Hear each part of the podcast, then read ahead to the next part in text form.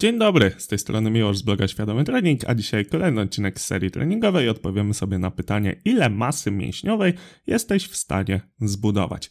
I jasne, nie podam Ci tutaj ani do jednego grama, ani nawet do 100 gramów, ponieważ zależy to od naprawdę wielu rzeczy, jak zresztą wszystko, a my o treningu tak naprawdę nie wiemy zbyt dużo i mamy tylko pewne przybliżone modele, które pozwalają nam na pewne pytania odpowiedzieć, ale jak zawsze tutaj mocno wchodzą w grę predyspozycje indywidualne, bo faktem jest, że jednym osobom będzie się budować masę mięśniową łatwiej, innym trochę trudniej, inne osoby będą musiały jeść dużo, dużo, dużo więcej, bo na przykład domyślnie mają bardzo wysoką aktywność i do wygenerowania odpowiedniej nadwyżki, do budowania masy mięśniowej będą musiały przejeść dużo tych kalorii, inne z kolei będą miały takie w cudzysłowie typowe endo, czyli osoby, które z reguły się mniej ruszają i do tej nadwyżki nie będą potrzebowały aż tylu kalorii.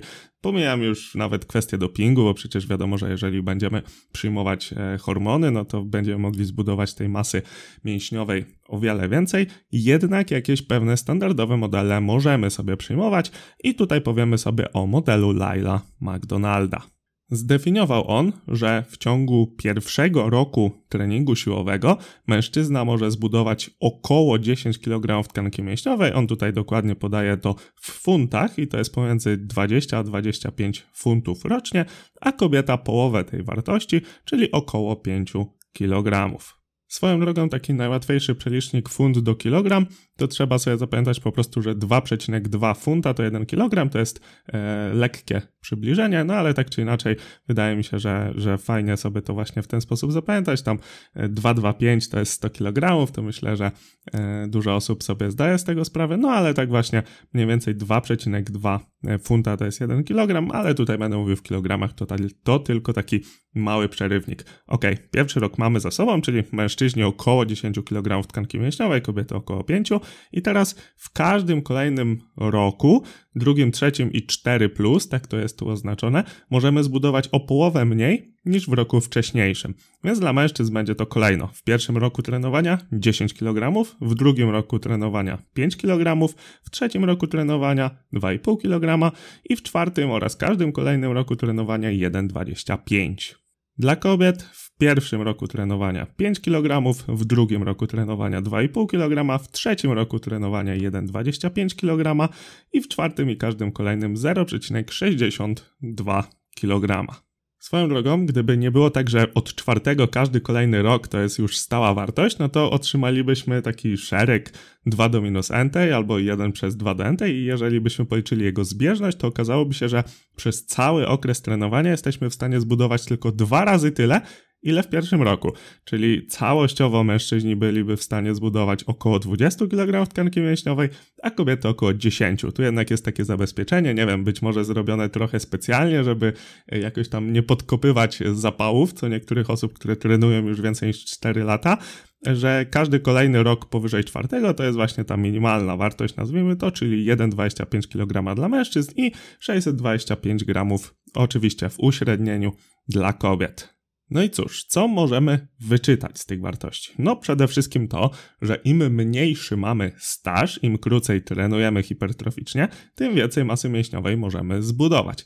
I rzeczywiście, jeżeli po pierwszym tym, co powiedziałem, czyli że 10 kg w rok zapaliły ci się wszystkie czerwone, czerwone lampki, no to być może trochę słusznie, ponieważ jest, są to właśnie tak zwane newbie gainsy, o których często mówię, czyli osoba początkująca nie tylko w sportach siłowych, ale ogólnie w każdym sporcie, notuje bardzo szybki progres i jest ten właśnie duży zapał do danej aktywności, ponieważ my widzimy efekty dosłownie z treningu na trening. Teraz zobaczcie, jeżeli 10 kg rocznie, tutaj weźmy sobie tą górną granicę, która wynosi 25 funtów i przybliżmy to do 12 kg, no to zobaczcie sobie, że jak taki e, ktoś, mężczyzna, czy też nastolatek, bo też sporo osób zaczyna trenować właśnie w tym wieku. Nastoletnim, co oczywiście jak najbardziej e, powinno się propsować, bo nie ma żadnych przeciwwskazań, żeby trenować siłowo już od nastoletniego wieku, a nawet i być może trochę wcześniej.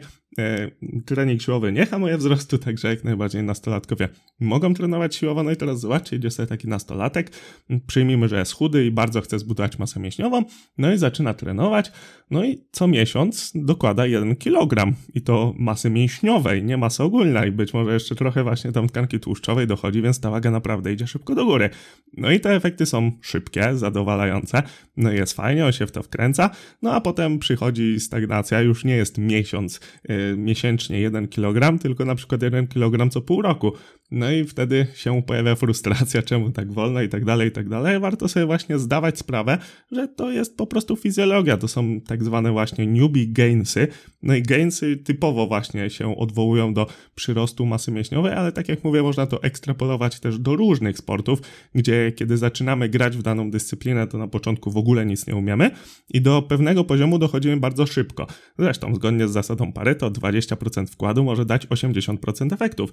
No i teraz zobaczcie, jeżeli byśmy właśnie e, o tej zasadzie pomyśleli tak, że w każdym kolejnym roku budujemy tylko połowę tego, co w poprzednim, czyli maksymalna ilość zbudowanej masy mięśniowej dla mężczyzny byłoby 20 kg, no to ten mężczyzna po dwóch latach czyli nazwijmy to 20% wkładu powiedzmy z 10-letniego stażu, zbudowałby 75%, no bo 15 kg całościowej masy mięśniowej, więc widzicie, że tutaj e, ta krzywa, którą byśmy mogli sobie narysować w tym wypadku, rzeczywiście układałaby się tak, że niewielkim wkładem w tym kontekście tutaj czasowym moglibyśmy zbudować duży procent masy mięśniowej, którą byśmy budowali przez całe życie. Zatem to, że my budujemy szybko na początku masę mięśniową jest, no, że tak powiem, normalne i jeżeli będziemy mieli tę świadomość, że jak my zaczynamy, to wszystko idzie super fajnie, ale to będzie zwalniać i te, te, to tempo przyrostów, czy to masy mięśniowej, czy siły, czy czegokolwiek innego w innym sporcie nie będzie wieczne, a jest tylko początkowe, no to jest wszystko spoko. Niestety problem robi się wtedy, kiedy my nie mamy tej świadomości i chcielibyśmy, żeby ten miesiąc, e, kilogram miesięcznie przychodził przez cały czas. No to biorąc tak pod uwagę, no to przez 10 lat, 120 miesięcy, każdy by ważył około 200 kilo, tak? Statystyczny mężczyzna ważący 80 kg, trenuje 10 lat, dokłada kilogram rocznie, no i za 10 lat ma 200 kilo. No nie, tak się niestety, albo istety, jak najbardziej istety, no to była chyba tragedia, jakby każdy mógł sobie dowalić 120 kilo masy mięśniowej, bo pewnie znaleźliby się tacy, którzy by takie, takie akcje robili.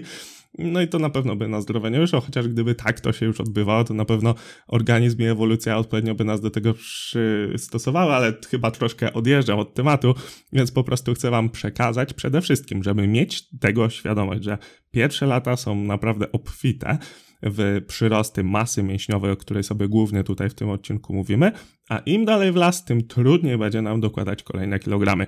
To jest jedna rzecz, która jest ważna i która wpłynie wprost z tych wartości, które są tutaj podane.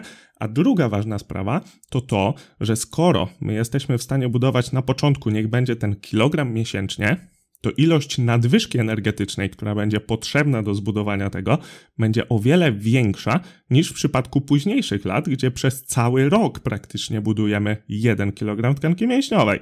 I teraz zobaczcie, co chcę powiedzieć. Jeżeli jesteśmy na masie i dopiero zaczynamy, to ta nadwyżka, żeby ona została odpowiednio rozdystrybuowana, to może być większa niż w przypadku wyższych stażów. Dlatego, jeżeli ktoś wam mówi, że nadwyżka powinna być tam 200-300 kalorii, no to owszem, ma rację i jest to spowodowane doświadczeniem danej osoby. Jednak, jeżeli dopiero zaczynamy, to prawdopodobnie wyższa nadwyżka nie będzie powodować wyższego odkładania się tkanki tłuszczowej, no bo potrzebujemy tej nadwyżki do budowania masy mięśniowej.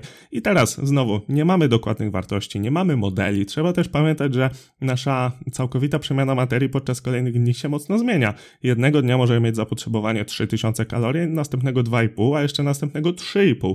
I tak naprawdę to, co my wyliczamy, to jest tylko pewne uśrednienie i faktem jest, że nie należy zbyt dużej nadwyżki dawać, żeby po prostu nie nabierać zbyt dużo masy tłuszczowej. No bo teraz zobaczcie, jeżeli mamy rok, y, kilogram rocznie, no to jeżeli my damy sobie nadwyżkę jakąś dużą, na przykład 500 kilokalorii i przemnożymy to przez cały rok, no to jaki procent z tego to będzie ten 1 kilogram tkanki mięśniowej, a jaki procent z tego to będzie tkanka tłuszczowa? No, mam nadzieję, że sobie odpowiedzieliście na to pytanie, więc chciałbym tu też zaznaczyć, że co możemy wyciągnąć z tych wartości, to po pierwsze właśnie, że pierwsze miesiące, pierwsze lata będą obfite w te przyrosty, a później to wszystko wyhamuje i będzie coraz ciężej. Po drugie, że nadwyżka, na którą możemy sobie pozwolić właśnie w tych początkowych okresach, może być nieco większa z tego względu, który płynął z poprzedniego wniosku, tak? Czyli skoro możemy nadbudować więcej, więcej energii pójdzie w budowanie tkanki mięśniowej, no to więcej też energii możemy przyjąć i ona będzie dobrze rozdystrybuowana. Pojawiać może się też pytanie, czy istnieje coś takiego jak niewykorzystany potencjał, czyli że jeżeli bardzo źle na przykład trenowaliśmy w pierwszym roku i nie wykorzystaliśmy zbudowania powiedzmy tych hipotetycznych 10 kg, a zbudowaliśmy przykładowo tylko 4, to czy później będziemy budować potem 2, 1 i tak dalej.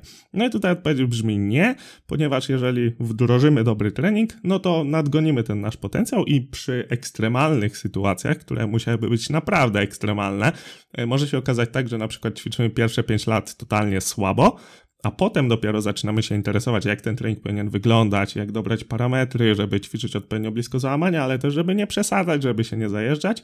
I okaże się, że przez e, pierwsze 5 lat zbudujemy mniej niż na przykład w kolejne dwa.